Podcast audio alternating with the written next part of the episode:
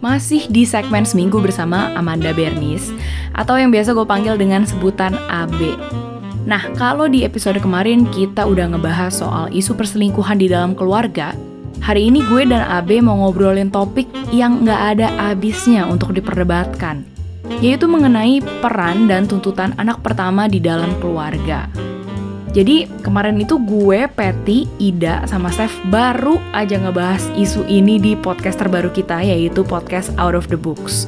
Karena sering banget kan nih, kita yang mungkin jadi anak bungsu suka bete sama tingkahnya si anak sulung yang paling suka ngatur, suka nuntut ini dan itu, dan yang mungkin mau segala-galanya terlihat sangat perfect. Tapi begitu juga sebaliknya, si anak sulung suka bete sama yang bungsu karena anak itu terlalu dimanja, males-malesan, paling ngebrontak, dan segala macamnya lah ya. Dan ngomongin soal peranan kita di dalam keluarga, di episode ini, AB akan membagikan perspektifnya sebagai anak sulung dan juga pelajaran yang dia dapetin saat berkonflik sama adiknya yang paling kecil. Kalau dulu ada gue yang cewek tuh sebel banget sama gue karena dia ngerasa lu tuh ngatur banget sih gitu kayak lu tuh bukan mami gitu gitu soalnya dia kayak benar-benar jeritan itu tuh jeritan dari lu jeritan gue. Iya terus? kayak karena gue benar-benar mendirect setiap langkahnya dia. Tapi waktu itu dia special case ya karena dia sempat dia sempat kayak socially awkward gitu. Jadi emang dia waktu semasa sekolahnya tuh dia nggak sosial sociable gue lah gitu. Uh, dia korban bulian juga terus dia pengen dekat sama bokap gue dia ngurung diri juga lama di kamar yang gitu gitu sampai gue yang setelah bokap lo meninggal ya waktu itu iya jadi ada satu malam hmm. dia tuh punya anger management lah intinya ada satu satu malam dia tiba-tiba meledak sama gue ke trigger gara-gara satu kata yang gue ucapin gue lupa deh kayak ngomong gak becus atau apa gitu hmm. terus tapi abis itu besokannya gue kalau nggak salah gue ngedirect dia gue paksain dia kayak ayo lo harus keluar dari kamar lo harus cari pertemanan lo masuklah ke komunitas mana gitu gue kenalin nama hmm. orang terus gue tanya teman gue waktu itu ada gak yang punya lowongan kerjaan. Maksudnya gue tuh pikiran gue pada saat itu lu cepetan keluar dari rumah bergaul sama yang lain daripada lu kayak gini di rumah dan lu nggak punya isu anger management yang gak kekontrol gitu. Kayak tapi gue juga di saat itu gue ada perasaan kayak kasihannya sedihnya tuh karena lu nggak bisa pasti sama gue terus nempel kayak gini gitu. Lu harus survive kalaupun nanti gue udah nggak ada gitu. Gue nggak bisa sama lu terus kan gitu. Nah tapi apakah itu akhirnya kata adik lu jadi sesuatu yang dia perlukan maksudnya that kind of force atau ternyata wah saya salah sebagai kakak. Ternyata saya harus memberikan dia waktu yang lebih banyak untuk berduka misalnya kayak gitu. Gue notice itu. Uh, jadi nilai plusnya sekarang dia udah jauh lebih better dan lebih mau terbuka sama orang. Punya teman lah sekarang. Uh, dan dia sempat saya thank you ke gue tapi through juga kemarahan dia yang bertonton itu yang kenapa sih lu maksa gue kok lu ngatur gue segitunya? Hmm. tapi dia request kalau ngomong boleh gak? Maksudnya lu kasih gue option jangan kayak nyuruh gitu. Jangan kayak hmm. lu harus gini gini gini bang Cici tuh kadang-kadang nyebelin kalau ngomong tuh kayak nyuruh. Jadi kalau dia nggak mau seakan-akan gue tuh nggak kasih pilihan dia untuk nggak mau gitu. Lebih demokratis lebih ya, demokratis ya, gitu iya. Uh, terus gue bilang oh ya gue ngelakuin ini karena pikiran gue gini gini gini tapi sekarang gue udah gak pernah kayak gitu sih. Kalau ada gue yang cowok kan lebih logik ya. Malah di dia kebalik. Kalau dia mikirnya kita gue dan ada gue mikirnya lu anak paling bungsu lu tuh dimanja sama mami tahu gak gitu. Kita nggak sirik sama hmm. lo cuman lu tuh hidupnya yang paling enak. Dalam artian lu tuh selalu yang diurus paling benar gitu. Tapi di sisi ya dia ternyata karena lu berdua sempat bandel udah ngelawatin masa SMP SMA gue yang waktu itu masih paling kecil masih umur yang paling kecil lu sadar gak sih itu bukan dimanjain tapi karena gue ditreat karena gue memang masih kecil emang gue masih perlu diperhatiin paling gede gitu di sisi adek gue ternyata oh. yang kita pikir dia paling ngerewanjain segala macam kayak ya, semua orang juga bisa lihat gitu tapi di dia kayak gitu. hmm. gitu dia bilang karena lu berdua sempat bandel sempat ya remaja-remaja gitu udah mulai pulang malam, udah mulai nyaut apa, ya gue harus jadi anak baik dong kan gue yang nemenin mami di rumah gitu. Ternyata pikirannya beda lagi, ngerti gak?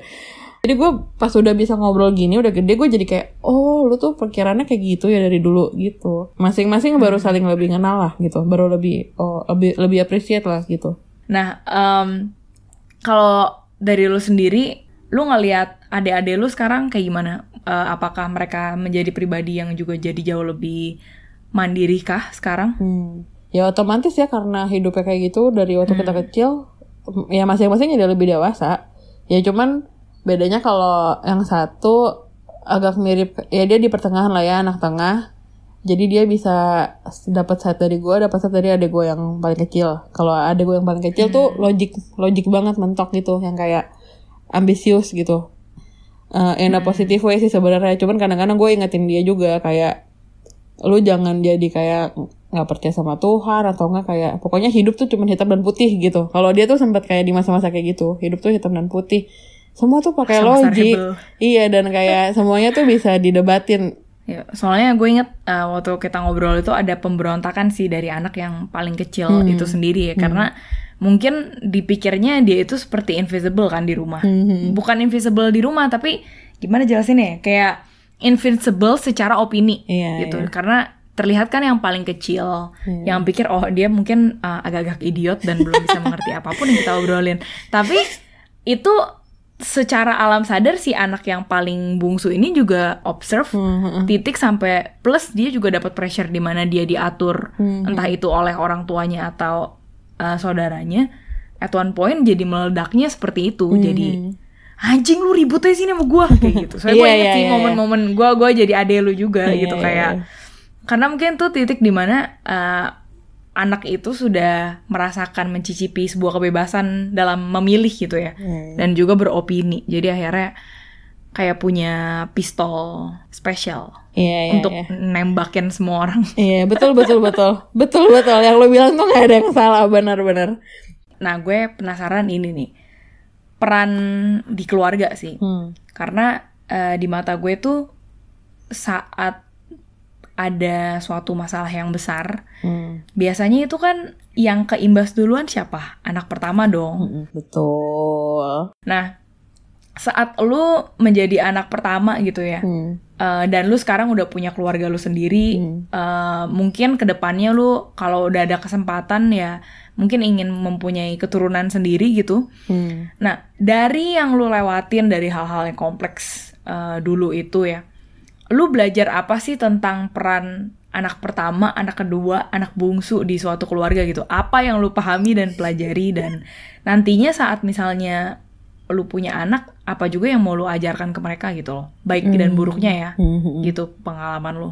Ini semua tapi tergantung cara didik orang tua lah ya, culture di keluarga hmm. masing-masing ya. Sedangkan kalau culture di keluarga yeah. gue, emang dari gue kecil tuh orang tua gue tuh selalu nekenin uh, kamu jadi kakak yang paling besar nanti adik-adik kamu jangan sampai susah.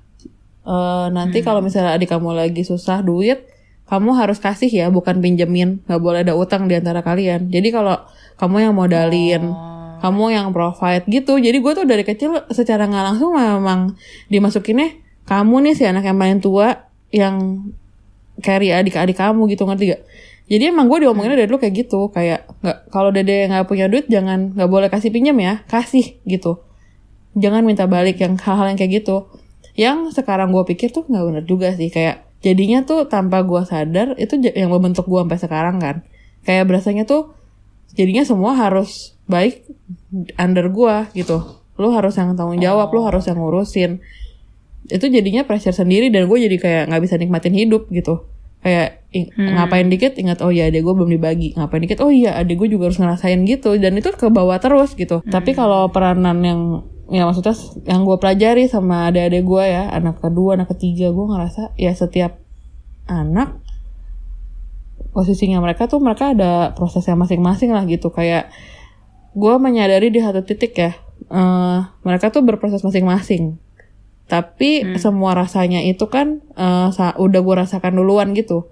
Selama ini tuh gue worry banget kayak berusaha mau ngejagain mereka. Yang yang lo suka komen kayak pasti apa sih gitu yang kayak karena gue iya yang waktu itu gue iya. komentarnya ini kayak gue berasa kadang-kadang tuh jadi anak pertama itu uh, lu masih tahu batasnya juga di mana ade lu tuh juga seseorang manusia gitu loh. Yeah, yeah. Ade lu tuh bukan namanya ade jadi ade enggak di hidup dia juga nggak jadi ade kan di hidup dia juga dia memutuskan sesuatu dan yang di mana lu nggak perlu ikut campur terus terusan gitu yeah. kalau dari waktu lu ngomong jeritan gitu, anak paling kecil ya yeah, yeah. Yeah. waktu habis gue ngobrol sama lu memang gue jadi lebih oh ade gue mungkin mikir kayak gini juga gitu hmm Jadi gue udah pikiran kayak ngejagain mereka usaha banget lah. Pokoknya gue jagain gak usah deal sama hal-hal yang berat atau yang sedih atau yang gak enak yang kayak gue udah ngalamin kan.